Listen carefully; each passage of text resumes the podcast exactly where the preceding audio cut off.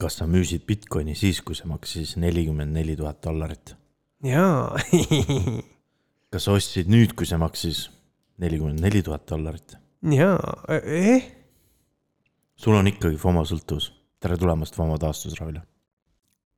täna kutsusime saates äh, Sander Kanseni ja ta aitab meil äh, äh, kommenteerida möödunud nädala uudiseid. tuleb selline veidi eriline saade. tervist kelle, kellega siis tegu on? jaa, äh, mina olen Sander Hansen.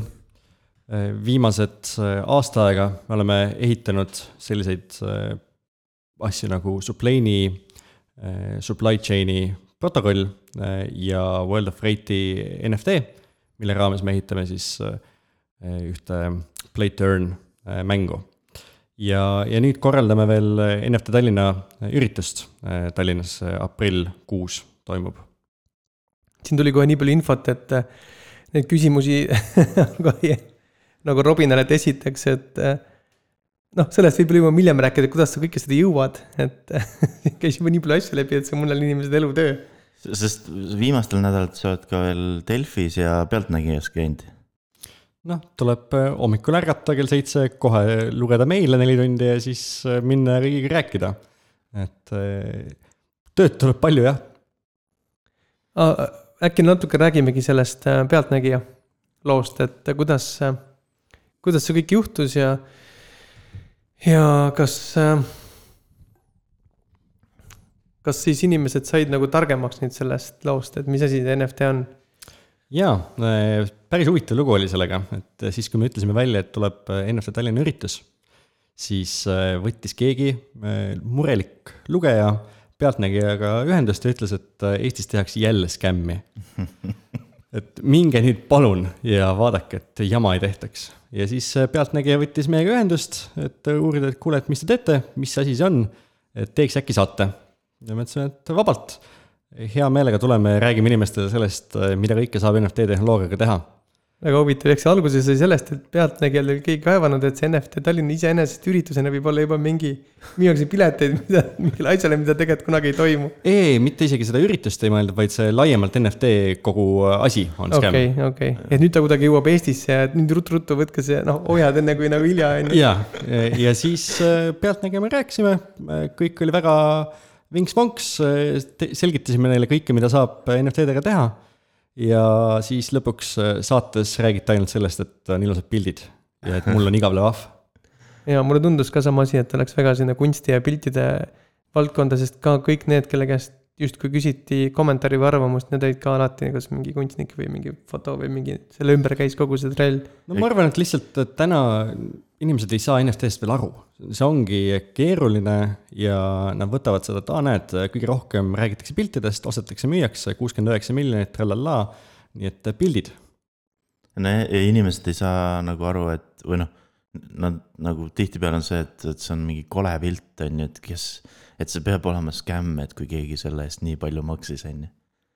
jah, mul endal üldse, mina näen NFT-sid kui niisuguse nagu litsentsipoliitikana, et ongi mingi litsentsi protokoll, millega siis võib mida iganes litsentseerida või kuidagimoodi nagu omada mingit osa või noh, mingitel tingimustel. no mina, mina isiklikult näen seda kui, kui digitaalset eh, kviitungit.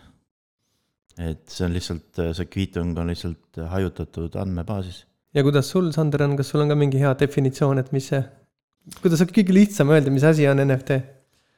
väga lihtsasti seda ei saagi ilmselt öelda, aga ma arvan, et kõige lihtsam ongi see, et see näitab su omandit ja kui üldse sellisi vaadata laiemalt, siis kogu see Web3 maailm, see toobki ainult kaks suuremat muutust äh, hästi lihtsustatult, et no. Äh, võimaldab inimestel saada omanikuks ja võimaldab asju teha kollektiivsemalt.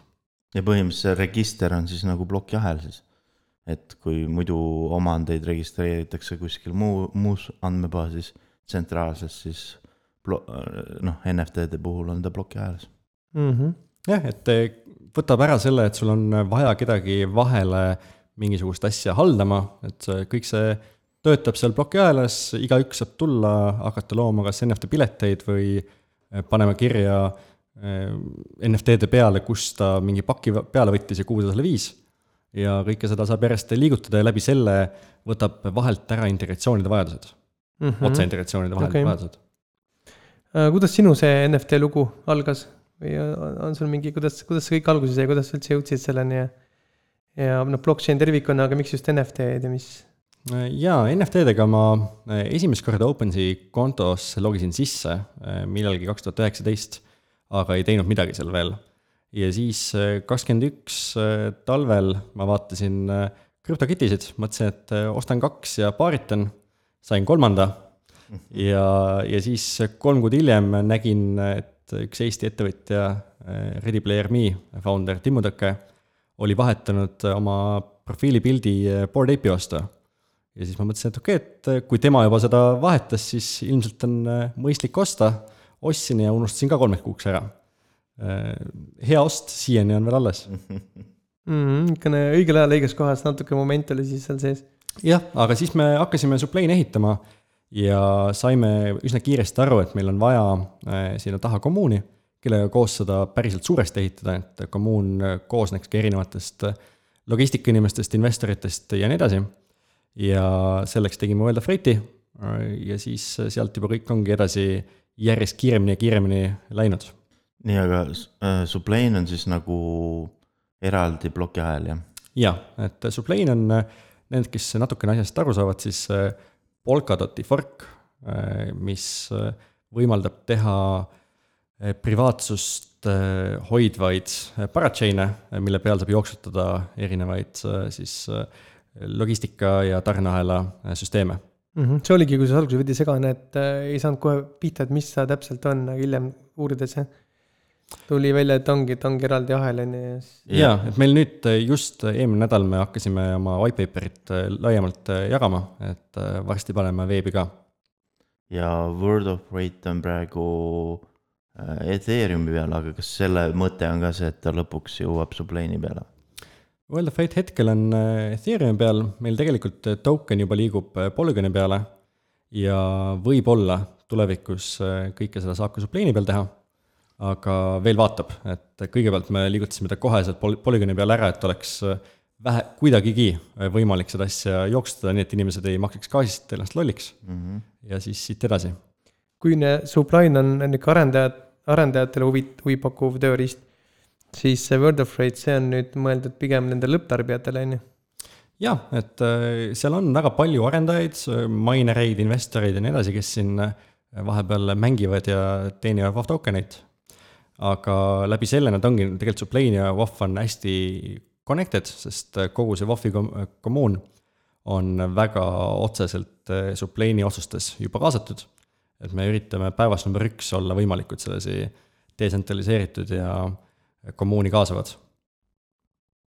Ja samamoodi ka NFT Tallinna ürituse raames. Me oleme kogu kommuuni äh, sisse toonud, kõik on siin meile äh, toonud partnereid, toonud kõnelejaid äh, ette. Ja nüüd siis kuuendal aprillil loodetavasti tulebki kokku viissada kuni tuhat inimest Eestis ja siis paneme selle NFT ja Web3 maailma päriselt inimestele ette, et näed, see ei ole ainult pildid, vaid siin on kõiksugu erinevad asjad, mida sellega teha saab see on suurepärane ja et me jõudsimegi nüüd selle peamise teema juurde, NFT Tallinna juurde. mulle endale tundub, et see on natuke nagu riigi poolt tegemata jätmise töö jätk, et nüüd on see tiigrihüpe kaks null või kolm null või mis iganes see number nüüd seal on, on ju, et see on tegelikult just see asi, mida Eesti peaks tervikuna ka ajama, et plokiahel, et NFT-d, noh, kõik see tehnoloogia on ju see, mis tegelikult on meil tulevikus igapäevane, sest täna ta on veel nii uus ja võib-olla veel aasta natuke ees teistest asjadest, aga ta, ta paratamatult jõuab meie igapäevaellu ja mis iganes arvutitesse, Windows itesse, telefonidesse, igale poole, et aga äge on see, et äh, riigist kõik mõtlevad kaasa. Okei, meil see on on äh, majandusministeerium, ettevõtlusminister, Eesti uus äh, siis äh, CEO, rahandusministeerium, justiitsministeerium, isegi rahapesu andmebüroo ja EAS, kõik on tulemas äh, kohale kõnelema. meil tuleb sihuke päris korralik äh, policy paneel ja mitmed huvitavad äh, väljaütlemised ilmselt äh, riigi poolt, pluss siis ka ettevõtete poole pealt siin need, kes juba ehitavad midagi metaverse'is ja need, kes alles äh, üritavad aru saada, kas peaks no kajastades neid viimaseid uudiseid, mis on tulnud rahandusministeeriumist, siis ma väga optimistlik äh, ei ole, aga, aga eks, eks me näe siis. see ongi järjepidev harimine ja töö on ju, et selle, see lõpuks see tulemus võib kanda vilja. Ja et see on ka see põhjus, miks me siin igal pool praegu käime ja kõigiga räägime. et äh, näidata, et see asi on äh, laiem kui lihtsalt äh, mingisugused finantsderivatiivid ja piltide ost-müük. ja et seal on siis päriselt kasutuskohti ja läbi selle kogu see riigipoolne seltskond saab järjest paremini aru, mõtleb kaasa ja näiteks juba küsiti, et kas me kuidagipidi saaksime Eesti ID-kaardi NFT-de peale ümber viima või kasvõi mingi osaliselt mingid komponendid on ju, et mm. -hmm. see on, see on, et- see oleks eriti äge. järgmised valimised tulevad NFT kaudu, kuidagi äkki. aga teeme siis kokkuvõtte võib-olla pärast seda NFT Tallinnat ja tuled meile uuesti külla. hea meelega. lõpetuseks veel, kas on sul midagi nagu mõni äge kõneleja, keda välja tuua või, või kelle pärast ka kuulajad võiksid nüüd kindlasti pileti osta ja kohale, kohale tulla sinna, et on midagi, mis on nagu eriline või mis on juba tea-, natuke võib-olla vara veel, aga võib-olla on midagi, mida sa saad juba öelda, mis jaa, et äh, ilmselt äh, tuleb kohale ERC seitse kaks üks standardi looja, ehk siis see, kes on põhimõtteliselt NFT-de taga. ja ta on valmis kõikidega, kes siin üritavad aru saada, mida NFT-dega teha saaks, ise otse ka vestlema ning nende projektidesse ka sisse vaatama. pluss tuleb rääkima sellest, et kuidas NFT maailm kümme, kümne aasta pärast välja võiks näha väga äge, ehk siis ta on ikka suht rahvusvaheline juba algusest äh, peale. mm. -hmm. et aga on seal ka mõni Eesti äh, ikka tuntud NFT looja, kellega saab niisugune mm, kohalik kogukond siis nagu muljetada, et kuidas kellelgi ja mida teha, et läheks paremini ja kuidas planeerida kogu seda lansseerimist. täna tundub, et praktiliselt äh, igaüks on kohale tulemas juba, et kui keegi on veel, kes on kuidagipidi välja jäänud, siis andke märku. suuremad, kes juba midagi te teevad, need me võtame hea meelega partneriteks ja kõnelema. Ja väiksematele me oleme välja öelnud ka, et tuleb sihuke demoala. ja siis veel üks viimane oluline asi, kust kohast nüüd leiab selle NFT Tallinna info, et toome siis juba selle ka siin välja, me paneme hiljem küll lingi, aga aga võib-olla ka võib praegu kiiresti mainida, et siis on, kuidas seda otsida jaa, Facebook, LinkedIn, Twitter, igal pool on Innustee Tallinna leht, pluss siis eraldi on delfi.ee kaldkriips NFT Tallinn. ja ilmselt, kui te Delfist olete siin ringi käinud, siis te näete seal aeg-ajalt reklaame. kuna nad on meie teine korraldaja, siis nad panevad sinna päris palju rõhku. aga lähme siis edasi uudistega ja ka see nädal saame rääkida LHV-st, sest äh, nad kirjutasid äh, artikli, kuidas äh, tulu deklareerida, sest see aeg on nüüd käes. on midagi erilist, mida sa oskad kohe välja tuua mingi kindla soovitusena, et ma ei tea, tehke, tehke nii. ja no see soovitus ongi, et, et pigem hoia, noh, tee, kuna sul on võimalus teha seal ka mitu kontot nagu umbes nagu Metamaskis teed iga asja jaoks mm. -hmm. eraldi konto, siis, siis seda soovitatakse ka LHV-s, et tee eraldi kontod. Et muidu läheb sul asi segamini, aga noh, nüüd aasta aega hiljem on natuke hilja võib-olla, et noh, seda oleks juba pidanud eelmine aasta tegema. mm. -hmm. aga noh, need, kellel, kes on siis teinud valesti, siis neil on, saavad sealt nagu abi okei okay,, ma arvan, et seda on kindlasti huvitav lugeda just NFT-de vald-, nagu vaatevinklist, et ma olen kuulnud igast uudisjutte, kuidas NFT-sid tuleb deklareerida ei ja no NFT-sid äh, LHV-s ei ole, nii et see veel ei ole, LHV-s ei ole jah, aga see probleem ei ole, aga seal on pigem see, et äh, kui sul on mingid, mingid, mingid varad, vaata, mis annavad dividende või intresse, siis nendega võib jama olla. aga kas mitte ei ole üldse nii, et äh, need asjad, mis on LHV-s ja teistes äh, mitte siis sinu käes olevate võtmetega kontodes, siis sa tihtipeale ei saagi mingit dividendi ja muid asju kätte sealt. Äh, peaks vist olema jah, nii et ei saa, aga, näiteks airdropidest jäädad vahele. mm -hmm, tõsi. aga seal oli vaata see teema, et kui sul on, kui sul on äh, sellesama konto peal need aktsiad, siis nende aktsiate eest sa võid saada dividendi Mm. ja kui sul on see konto veel määratud nagu investeerimiskontoks, siis see, see põhimõtteliselt nagu läheb sulle arvesse nagu äh, noh, müügina või ostuna või mingi selline komplikatsioon oli seal. okei okay.. ma kuulsin veel sellist uudisjuttu, et tahetakse nagu hääletamisõigus ka maksustada.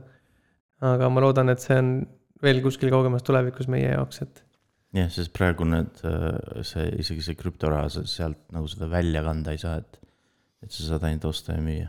Aga tore on see, et vähemalt Eestis juba mõeldakse, et äh, peaks äkki kuidagipidi seda krüptorahaga äh, investeerimist ka muutma ja maksustamist lihtsamaks ja mõistlikumaks. et meil on teoreetiliselt võimalus saada Eestiga vähemalt Euroopa parimaks äh, keskkonnaks. no loomulikult Bulgaaria on mm. -hmm. eriti hea, aga samas seal on teised riskid. ja see on väga õige ja võib-olla ka seda automaatikat ka juurde tuua, et oleks lõpuks sellele investorile siis lihtne. Mm -hmm. Mi-, minu jaoks võib-olla järgmine asi, mis ma tahaks LHV-lt näha, oleks see, et, et saaks äh, pangakaardiga maksta krüptorahaga. et, et seda nagu paljud börsid juba, krüptorahapörsid teevad, et teevad äh, selle Visa kaardi. aga see võiks tegelikult olla ka LHV-s. Mm -hmm. aga selle Bine-, Bitfinexi äh, häki kohta tuli nüüd uuendus ja siis äh, põhimõtteliselt uudis on see, et äh, Heder, kelle, kellel on veel see artisti nimi äh, Russell Kahn, tema sai kautsjoni kautsjoni vastu välja vanglast, aga tema mees, kellega nad koos olid nagu selles kuriteos, et tema ei saanud. ja põhjus oli, oli see, et, et Hederil oli olnud äh, rinnaoperatsioon ja siis äh, advokaadid ütlesid, et tal on see noh, vanglas olemine veits keeruline, et äh, terviserisk. ja siis, aga noh, ma ei tea, kuidas see USA-s see kautsjoni värk töötab, et, et kautsjon oli kolmemiljoniline, aga nad vist peavad ainult maksma mingi väikese osa sellest vist. mm.. ma just mõtlesin seda, et äh, see, kui neil niivõrd suur äh, kautsjon juba oli ja kui nad selle tõesti ära maksavad, siis äh, pigem tõestab seda, et äh, süü on ilmselt äh, päris, sest nii palju, kui ma olen äh, siin viimasel ajal Räselkaani jälginud, siis midagi muud väga edukat neil enne pole olnud, et seda ilma kuriteota oleks saanud kinni maksta. jah, et mingi nagu artiklite kirjutamise eest nii palju raha kokku ei aja. no neil on mingisugune turundustööriist ka, aga kõik see on päris naljakas, et siin äh, olles päris aktiivselt äh, Twitteris, siis viimased nädal aega on väga palju nalja saanud kogu selle seltskonna peale. on küll jah, aga noh, mina, mina sain nii aru, et see- see, äh, USA-s vist on niiviisi, et, et sulle määratakse see nagu nii-öelda bond või see, see summa, aga siis sa nagu maksad sellest mingi, mingi protsendi ära. ja siis ülejäänud on nagu siis nagu see nagu, nagu keegi laenab sulle või midagi taolist. aga isegi kui see oleks nagu kümme protsenti, siis noh, kolmsada tuhat on ka päris suur summa. ja ma eeldan, et see summa peab ikkagi sul koos olema, kasvõi siis paberi peal. jah, et sa päris äh, niimoodi ei saa, et kautsjon on kolm miljonit, maksad ainult kolm tuhat ja siis oledki nagu vaba mees, et no võib-olla siis oli kolmkümmend tuhat, ei tea. no aga neil oli ju mingisugune kas kakskümmend protsenti sellest Bitcoinist oli veel äh, kadunud, et maksta. miljardist või mis see oli, et jah. noh, see oli ka põhjus, miks te, tema meest nagu välja ei lastud, et kardeti, et äh, lendab minema. nojah, väga poleks imestada.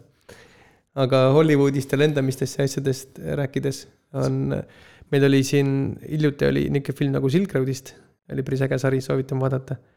film, mitte sari, siis nüüd on Netflix plaanib teha järgmise linnateose. et nad said kohe nii palju inspiratsiooni, et äh, andsid rohelise tule selle kogu selle Bitfinex häkile äh, kajastamiseks seal on materjali nii palju? ei tea, aga, aga nüüd, kus Heder väljas on, siis ta saab äh, sinna osalema minna, saab sealt seda raha välja teenida. tõsi, konsultatsiooni annab konne- kohe, et kuidas, mis tegelikult toimus.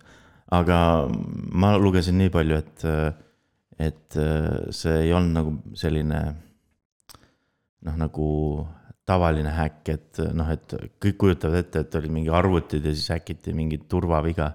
et noh, tegelikult oli see tõenäoliselt mingi sotsiaalne häkk, et, et äh, noh, see Heder võib-olla siis nagu või siis tema mees nagu siis äh, esines kellegi noh, nagu teisena ja siis sai ligipääsu kuskile Bitfinexi admini paneelile või kuskile.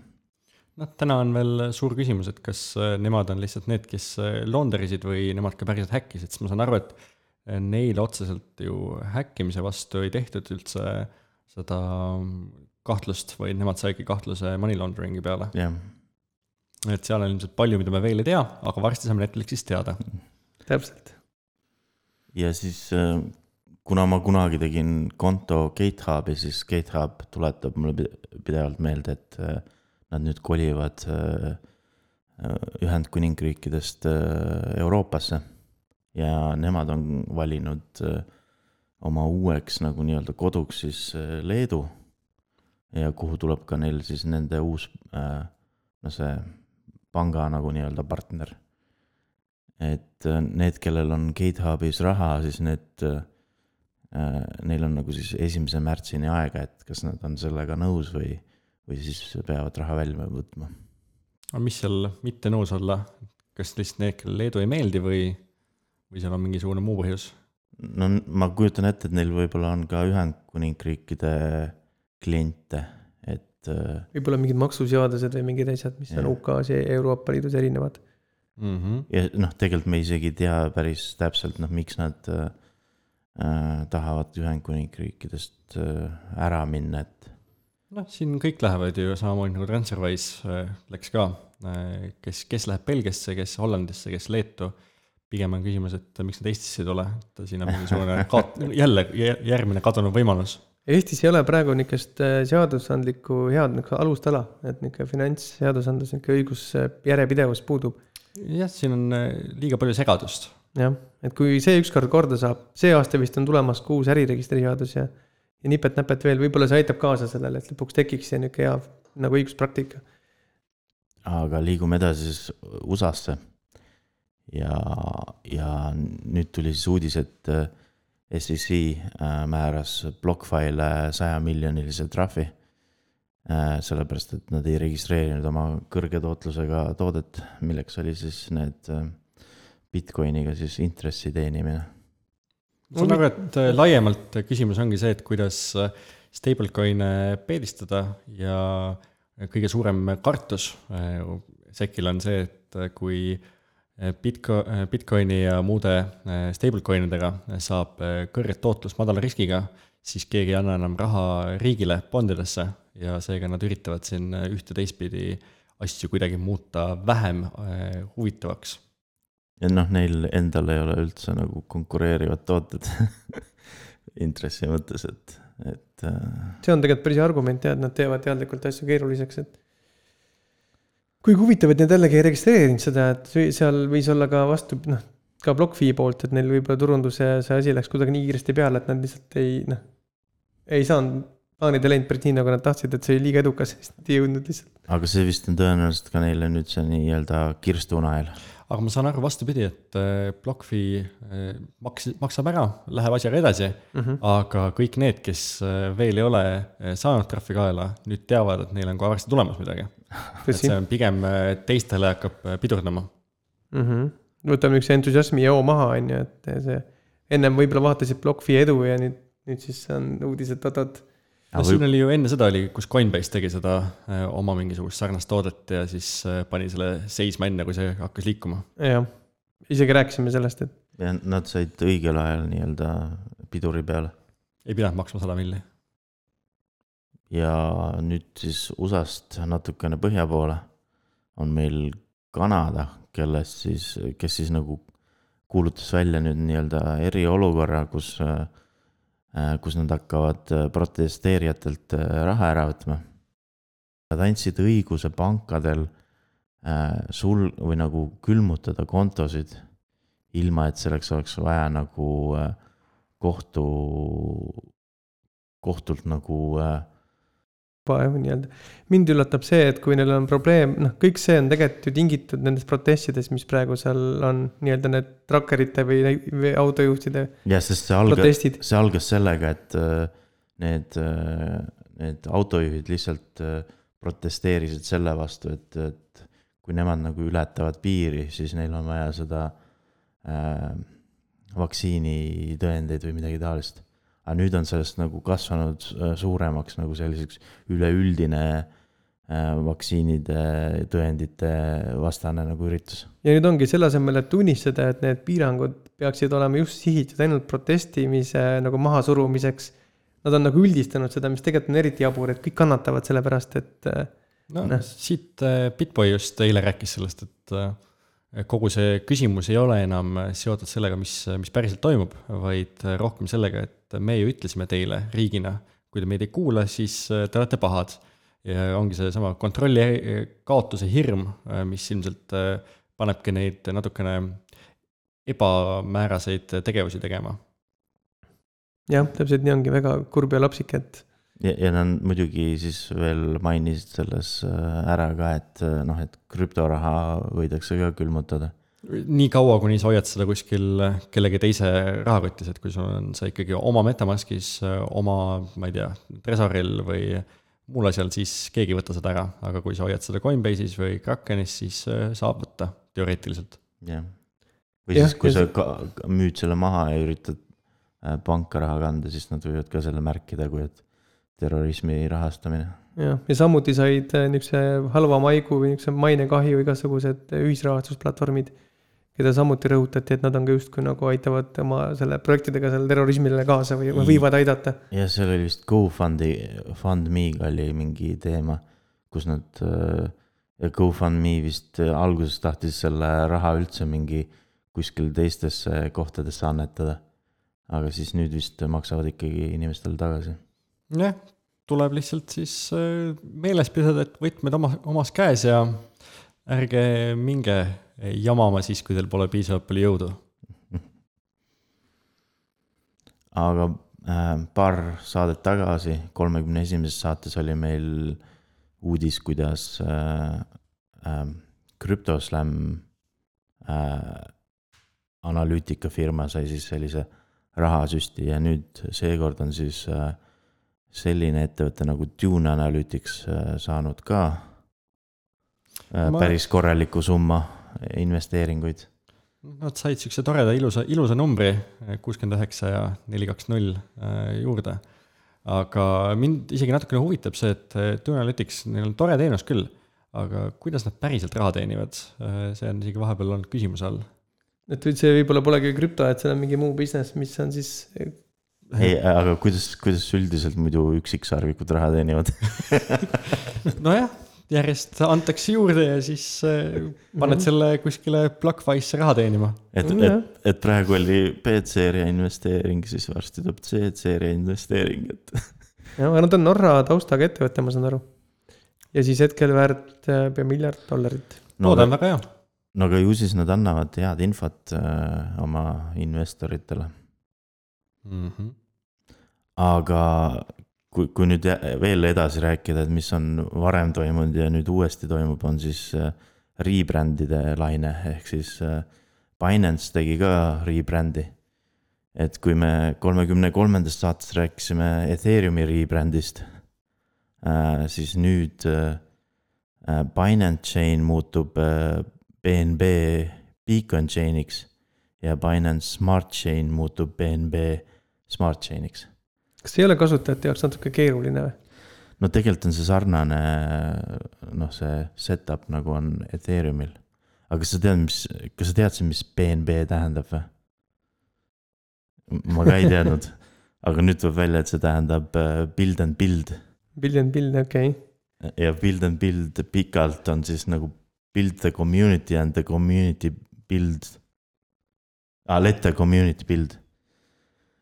Et ähm, noh, põhimõtteliselt neil on seesama loogika, et neil on see nii-öelda see beacon chain ja siis, või see nii-öelda konsensuse chain ja siis on see execution chain. et noh, see äh, smart chain on siis nagu see execution layer ma saan aru, et Binance Smart Chain'i kasutajate jaoks iseenesest ei muutu tehniliselt siis midagi, on ju. lihtsam nimi või siis Mm. noh, lühem. aga võib-olla see on mingi ka nagu, et äh, üritavad regulaatorite eest äh, nagu distantseerida ennast, et, et see ei ole Binance'iga seotud, et see on lihtsalt äh, community asi. ilmselt midagi sellist jah. samal ajal ka siin Binance'i inimesed tahavad järjest rohkem kommuunile tulla lähemale, neil on isegi Eestis on eraldi inimene palgatud, kes meil siin NFT Tallinna raames ilmselt tuleb ka miskit tegema. et vaatame. Mõnda aega ma arvasin, et see asi sureb varsti välja, aga tundub, et nüüd BNB nime all ta jätkab elu. ja me, me kajastasime ka, et neil on nüüd ka Eesti see Telegrami kommuun et kui varem olid, nad üritasid toppida kogu Balti riigid ühte Telegrami gruppi, siis see ei, see ei toimunud. ainuüksi juba keele pärast ei hakka tööle, jah. Ei noh, ei, seal olid äh, vist venekeelset rääkivaid inimesi küll, aga, aga nüüd nad siis said aru, et, et Balti riigid ei ole üks ja sama, et tuleb mm -hmm. igaühele eraldi teha kommuun.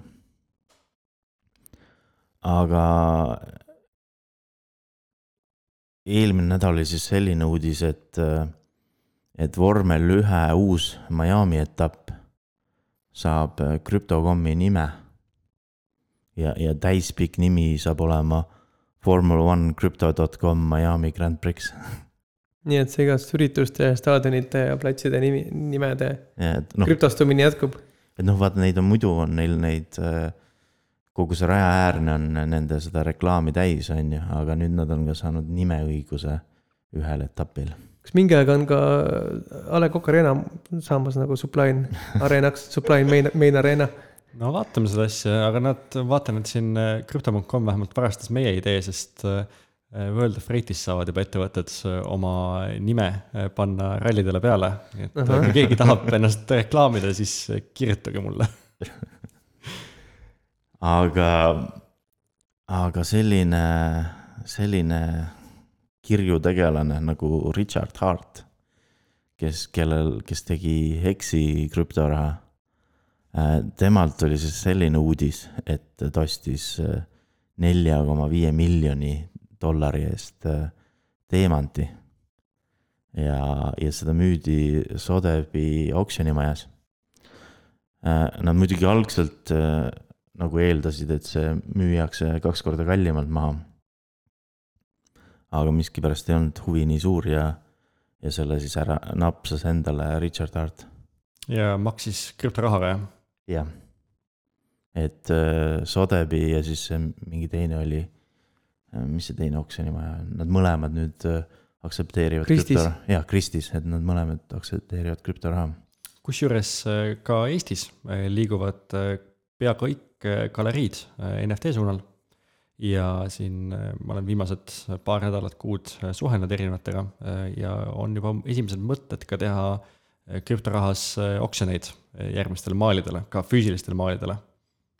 no mina, mina olen nii aru saanud, et vaata, need oksjonimajad on ka nii-öelda nii, need registrid, vaata, kes hoiavad seda infot, kellelt kellele, mis info hin-, hinnaga müüdi ja kellel see nüüd noh, viimati kes viimati müüs, on ju, et nad tegelikult on see nagu see register. et hinnamanipulatsiooni vältida, et sul on seal plokiahelas siis kirjas see tehing nii-öelda. ei noh, et neil siiani on nemad, nemad olnudki see plokiahel mm, -hmm. aga nüüd nad justkui võtavad siis selle eh, marketplace'i rolli, sest eh, okay. see ledger võetakse käest ära. jah, et, et nad, nemad nagu saavad aru sellest, mida see NFT asi nagu lahendab.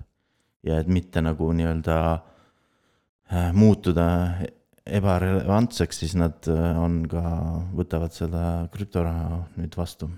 väga mõistlik, see on üks ilmselt peamine põhjus, aga, aga teisest küljest on ka see, et kui oksjonile minnakse, siis on ju sa pead, tavaliselt on seal mingi deposit, mis tehakse, mõnikord sa pead kuidagi muud moodi näitama, et sul on päriselt ka vara selle tehingu tegemiseks või et sa saad seal osaleda, et krüptoga on ka see, see maailm palju lihtsam ju, et sa saad kiiresti oma rahakoti skänn kuskil, smart contract'id seal saab kergemini võib-olla panustada ja tehinguid teha kui fiat rahaga, et mm. -hmm. ilmselt see pole nii oluline, aga jällegi üks väike nüanss äh,. Sandbox äh,, Sandboxilt tuli siis nagu uudis, et äh, nende nüüd saab nende sand token'it ka stake ida ilma Ethereumita. et kui, või äh, selle, ilma Matic'uta. et kui varem oli neil see, et, äh, et sa pidid äh, lisama nagu kuskile swap'i nagu liquidity'd ja siis sa said mõlemat on ju, jah. Mhm. Liquidity token'it said stake ida, siis nüüd sa saad ainult Sandiga tõuke nagu stake ida aga Sandbox ja Decentraland mõlemad äh, kopeerivad praegu ühte uut äh, projekti, äh, kes täpselt sama asja just enne neid ära tegi. on NFT World, mis on põhimõtteliselt Minecrafti engine'i peale ehitatud uus siis Metaverse tegi täpselt sama oma World'i token'iga ja siis siin jälle naerdi, et näed, vanad Sandbox nüüd peab muutma asju, sest teised teevad ägedamalt mm. -hmm. kas ta kuidagi erineb ka sellest Etherlandist? see on ka vist Minecrafti peale kuidagi toodud sinna plokiahelasse mingid asjad. jaa, ta, ta on nagu täitsa, täitsa eraldi sinna peale, täna ehitatakse juba eraldi mänge mm. -hmm. ma kuidagipidi läbi meie oma investori suutsin sinna enne seda sisse saada, kui ta popiks läks, nüüd ta tundub, et päris huvitavaid asju tehakse. me isegi mõtleme ise ühte rallimängu sinna äh, sisse ehitada. okei okay,, nii et nad on juba kaugemal järelikult kui Etherlands ja teised, kes. jaa, jaa, täitsa juba okay. multiplayer on kohe mm -hmm. laivis, esimesi testid, teste juba tehakse et sihuke väike alfa. aga kas see on sisuliselt siis nagu Minecrafti privaatserver, on ju? Äh, sisuliselt jah, äh, nad alustasid äh, nii, aga nad nüüd järjest hakkavad sealt edasi minema, et nad hakkavad seda ise edasi arendama. aa, et teevad oma versiooni Minecraftist või? põhimõtteliselt küll, jah. okei okay., kas Minecraftist on mingi osa on open source või? kõik ongi open source tehnoloogiana ja siis Ehm, see, mida inimesed kasutavad, see kliendi pool, see on siis Microsofti poolt omatud. aa ah,, okei okay.. aga Gala Games, kellest me oleme ka palju rääkinud, siis nendel tuli minu jaoks isegi ootamatult selline uudis, et äh, neil on nüüd uus keskkond, Gala Music. ja esimesena, kes seal äh, nii-öelda oma NFT-sid hakkas müüma, oli Snoop Dogg jälle kellel on igal pool käpp sees. ja, ja Snoop Doggil läheb lausa nii hästi, et nad ostsid oma esialgse kunagise selle record label'i ära. et noh, tänu, tänu sellele neil vist ongi siis nagu vabamad käed nüüd tegeleda igal pool metaversides. ja ma ühtlasi, kui Snoop Doggist rääkida, siis oli ka uudis, et nad tegid, Snoop Doggi VC fond tegi esimese Euroopa investeeringu me siin oleme ka vaikselt üritanud Snoopi ära rääkida, et Eestisse tuleks, aga kahtlen, et seekord, aga tulevikus kindlasti aga see, kus, kus Snoop Dogg veel nagu aktiivne on, oli, oli siis Superbowl. ja enne Superbowli hakati juba äh,, hakkasid juba mõned äh, ettevõtted vihjama, et nende reklaam on, on äh, nende Superbowli vaheaegadel. ja, ja esimeseks selleks oli selline, kes oli Bud Light, kes tegi isegi paar nädalat varem valmis äh, oma Next NFT kollektsiooni. Ja, ja see reklaam, mis neil Superbowli ajal oli äh,, viitas nii selle Nexti projektile kui ka sellisele NFT projektile nagu Nouns. et äh, Nounce'is on nagu siis põhimõtteliselt on äh, prillide NFT-d. kuidas nad üldse seotud on selle Bud Lightiga?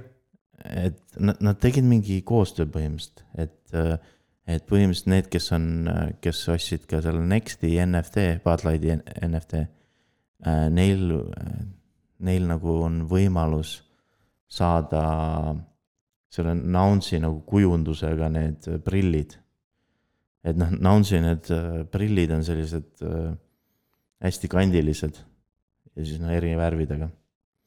ja siis, aga noh, see on kõik ainult USA turule, nii et, et nende kodulehelt sa ei saanud seda Next NFT-d osta mm. -hmm. ja, ja ainuke koht, kus nagu noh, põhimõtteliselt eurooplased said osta NFT-d, oli siis see OpenSea.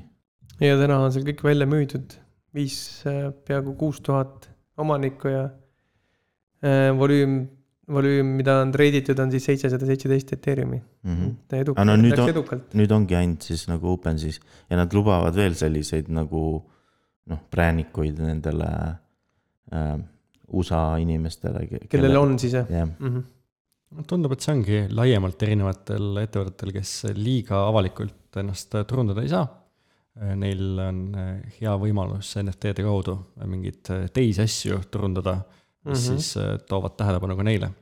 see on just Coca-Cola korraldab ka mingisugust oma konverentsi ja siis äh, seal tahavad ka turunduse raames äh, rääkida sellest, kuidas äh, Web3 ja NFT-d äh, võiksid kõiki ettevõtteid aidata. et asi läheb järjest kuumemaks. aga noh, selles mõttes võttis nagu äh, Bud Light võttis, võttis sellise nagu ähm, noh, nagu. tagasihoidliku hoiaku või Jah. läbi, läbi siis partnerite tehti mingi ühisprojekt, nagu just sa mainisid, et ega väga õige, et niimoodi teha vaikselt, et et nad isegi ei olnud nii nagu in your face selle, selle NFT-dega, et äh, mõni võib vaadata nagu seda, nende reklaami ja noh, mitte isegi aru saada, et, et seal on mingi NFT-dega midagi seotud. ega seda natukene siin kurdetigi, et äh, krüptot toodi sisse erinevate ettevõtete poolt reklaamides nagu Coinbase, FTX, Crypto.com ja teised rääkisid krüptost, aga äh, NFT-sid tegelikult äh, praktiliselt äh, välja ei toodud, nii et äh, see maailm on veel äh, väga noor eks nad kardavad ka, sest noh, need äh, igal pool mujalt on nagu meedia tümitanud neid, kes on NFT-dega midagi seotud olnud. aga, aga Coinbase'il oli päris huvitav reklaam, et ne, nad põhimõtteliselt, kas sa oled näinud seda äh, Office'is oli ka kunagi üks selline episood, kus äh, äh, keegi nagu seal äh, saalis nagu rääkis midagi ja siis kõik vaatasid tegelikult seda telekat, kus äh, kus äh, see DVD, see logo on, noh, põrkas mööda ekraani, on ju. ja siis kõik lootsid, et see DVD logo läheb sinna nurka, on ju. ja põhimõtteliselt Coinbase nagu kopeeris sellesama idee, aga, aga nad panid oma nagu selle C-tähe nagu põrkama ekraanile mm. -hmm. Nad näitasid seda minut aega Superbowlil. ja siis see lõppes umbes niiviisi, et oli nagu noh, nagu VHS-i nagu see, see lint oleks läbi saanud, et siis noh, lõpuks tuli siis Coinbase'i logo ka. okei okay. aga ma saan aru, et Coinbase'i kõige suurem turundus oli see, et nende leht jälle vastu ei pidanud, läks maha. inimesed rääkisid sellest pikalt jah, sest nad olid öelnud niiviisi, et äh, pärast äh, seda ühte minutit oli siis neil vist tulnud kakskümmend miljonit külastust korraga. No vot, see on jah, juba, juba see on hea, hea reklaam, ikka mis, mis juhtus selle tulemusena, siis saad veel nagu teised kakskümmend miljonit. kes käivad vaatamas, kas endiselt on maas, kas mu varad on alles. aga FTX-il oli päris selline äge või noh, põhimõtteliselt võib öelda, et äh, kallis reklaam, et, et Coinbase'i reklaam tõenäoliselt ei läinud väga palju maksma. Noh, välja arvatud need sekundid, mida nad pidid näitama. no ja keegi ikkagi küsis väga palju raha ilmselt selle kreativa väljamõtlemise eest mm. aga see, aga FTX pani ikka nagu korralikult selle produktsiooni peale ka raha, et, et nad olid palkanud äh, Larry Davidi äh, oma reklaami ja noh, selline päris kohe filmi moodi reklaam oli. paneme need lingid äh, hiljem juurde ka, et siis saate vaadata. Kõige võib-olla nadim nendest ettevõtetest äh, reklaam oli äh, eToro-l, kes äh, justkui tahtis öelda ka, et nad teevad midagi krüptoga, aga tegelikult see reklaam ise oli sihuke nagu eh ja ja ega reaalselt nad ju krüpto osas ka siin järjest shibat küll push ivad ja lasevad inimestele Ethereumit maha müüa, aga mm -hmm. tõmbavad päris projekte millegipärast järjest alla, nagu näiteks Cardano okay. võeti ära. ja et see, see eToro reklaam oli lihtsalt mingi õhupallid lendasid või midagi taolist. no midagi ilusat. jälle ilmselt selline natuke tagasihoidlikum. jah, ja siis noh, mina ise arvasin, et äkki nad lasevad, noh, see Crypto.com näitab nüüd seda, seda juba nende olemasolevat äh, Matt, Matt Damoniga mm. -hmm. Matt Damoni klippi, aga seekord siis valiti hoopis äh, NBA staarid äh,, noh, tehti nagu uus reklaam äh, Lebroniga. Kuna see on sport, siis ma usun, et jah, niisugused NBA staarid on parem, parem valik sinna tõenäoliselt. ja ma saan aru, et kõige suurem turundus oli Binance'ilt, kes ütles, et nemad ei tule turundama ennast jah. aga edasi siis nagu NFT-del, noh, krüptopangil on neid äh, erinevaid tüüpe, krüptopanke.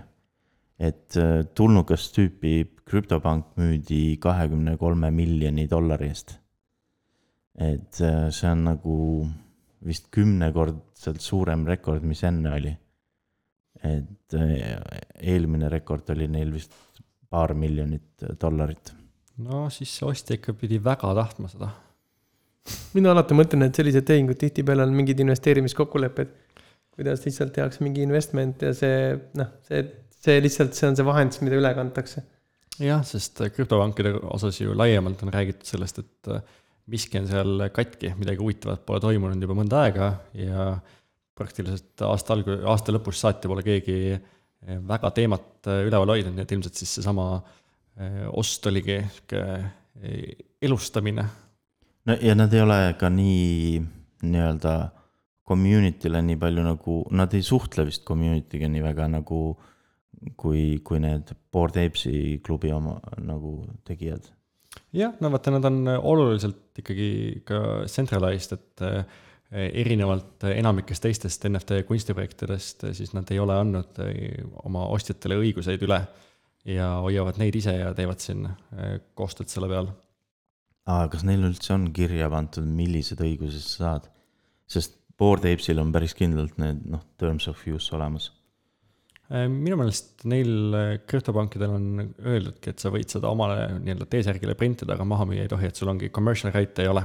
okei okay., äh, no sama on põhimõtteliselt ju selle Bored Apes'i tegelikult. Bored Apes'il sul on commercial rights ka, sul on full rights, kõike võid teha. okei okay.. eks sa võid seda oma äritegevuses kasutada vabalt. jah, ja sellepärast ongi, et Bored Ape'ide puhul on erinevad projektid, kus, kui keegi tahab kasutada sinu ahvi, siis ta kõigepealt võtab sult nõusoleku ja pärast jagab sinuga kasumit mm. -hmm. see on ka põhjus, miks ta tegelikult nii populaarne on, niisugused väiksed detailid, mis teevad ta eriliseks mm. -hmm. no neil on ka üks tehniline erinevus on ka see, et äh, Bored Apes on täielikult IPFS-i peal, nii, nii token'i metadata kui ka need pildid on IPFS-ide peal On... aga krüptopank, see ei ole isegi ERC seitse, kaks, üks.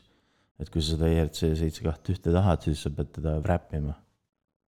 et ähm, ma arvan, et, et mingil ajal hakkavad need tehnilised nüansid ka nagu mõjutama seda hinda. et milline NFT on nagu see nii-öelda õige, kõik, kõige paremini nagu tehtud või noh, väärtuslikum. aga üks huvitav asi on see, et äh, krüptomaailmas on jälle uut kinnisvara saadaval. kas see on nagu uus linnaosa siis või uus või saar? uus saar mm. -hmm.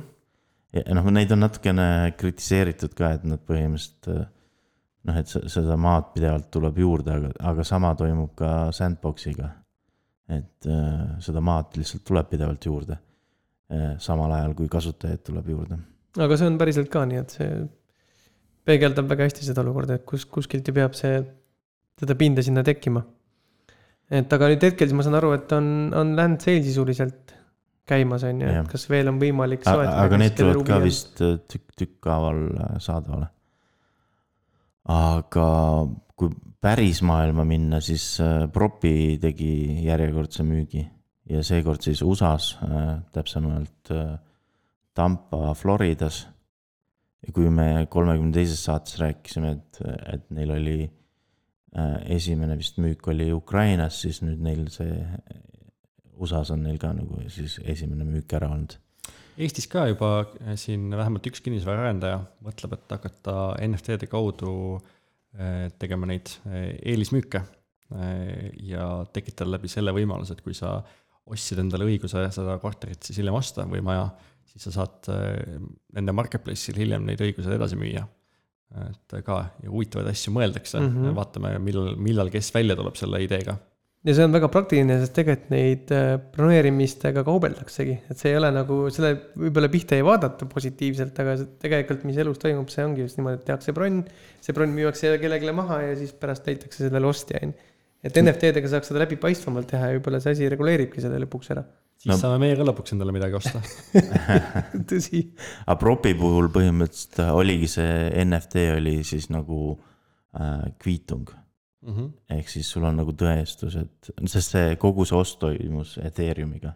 ehk sul on nüüd, siis need, nad said ka nagu nii-öelda selle tõestuse, et nad ostsid, et, et noh, põhimõtteliselt propi kasutabki nagu äh, Ethereumit kui kinnisvararegistrit nii et äh, notaritel võetakse ikkagi töö käest ära lõpuks jah. Aga nagu varem ennustasime, et, et kui Take-Two ostis Sünga ära, siis nad nagu vaikselt niiviisi mainisid, et, et nad vaatavad nii-öelda metaversi poole. siis nüüd äh, tuligi uudis välja, et äh, Sünga tuleb välja juba NFT mänguga sel aastal. et, et see ei ole, ei olnud midagi sellist, mis, mis, mis nagu, et nad alles nüüd hakkavad ehitama, vaid nad on juba ehitanud mõnda aega. mis mind üllatas, oli see, et Gala Gamesil on ka ju Downstar ja nüüd tuleb, nüüd tuleb siin ka Farmvilliga. jah et äh, saab neid äh, play to earn mänge veel rohkem olema. aga kas sa teadsid, et äh, selline tegelane nagu Tom Hoffmann, kes kunagi tegi Vine rakenduse, et tema tegi selle loot NFT. et ma nagu, me, me ükskord isegi kajastasime seda loot NFT-d aga nüüd on, äh, tuli uudis, et, et tõstis kaksteist miljonit dollarit ja, ja arendab nüüd uut projekti nimega äh, Blitmap, mis on ka nagu NFT projekt. ta on mingi nagu sci-fi fännidele loodud siis mingi platvorm või? no sisuliselt on natuke nagu edasiarendus sellest äh, loot NFT-st, et, et noh, kogu, see, on umbes sama nagu, et kui nagu mitu inimest kirjutab nagu ühte raamatut, et, et tal on see nagu idee, et, et kogu nagu community nagu äh, arendab nagu mingit ühte sellist story't. aga lõpetuseks äh, OnlyFans äh, andis teada, et nüüd saab nende platvormil ka panna NFT-sid äh, oma profiilipildiks et, et see on samamoodi nagu Twitter Blue'ga. kui ainult Twitter Blue Euroopasse tuleks. kas OnlyFansi, OnlyFansi asi on Euroopas ka või on ainult USA-s? seda peaks täpsustama ehk. Ma ise ei ole proovinud, nii et ma ei tea no nüüd tuleb sul OnlyFansi konto teha. ei jää muud üle. ja sinna NFT-sid postitama hakata. aga selle Twitter Blue'ga võib olla niiviisi, et võib-olla tuleb see feature nagu ennem tavakasutajatele kui Twitter Blue Euroopasse. seda võiks loota küll, aga tundub, et kõik liiguvad praegu selles suunas, sest äh, Youtube on välja öelnud, et NFT on väga oluline nende jaoks ja Facebook samamoodi ja varsti saame igal pool. Ja, ja Reddit, meil oli vist eelmises saates ka uudis, et äh, Reddit äh, plaanib NFT-sid profiilipiltideks. ja selle vahva vibe'iga siit seekord lõpetamegi ja kindlasti minge uudistage siis NFT Tallinna kohta ja olge selleks ürituseks valmis. ja aitäh Sandrile, et aitas meil neid uudiseid äh, kommenteerida. aitäh kõigile. Kuulmiseni. Kuulmiseni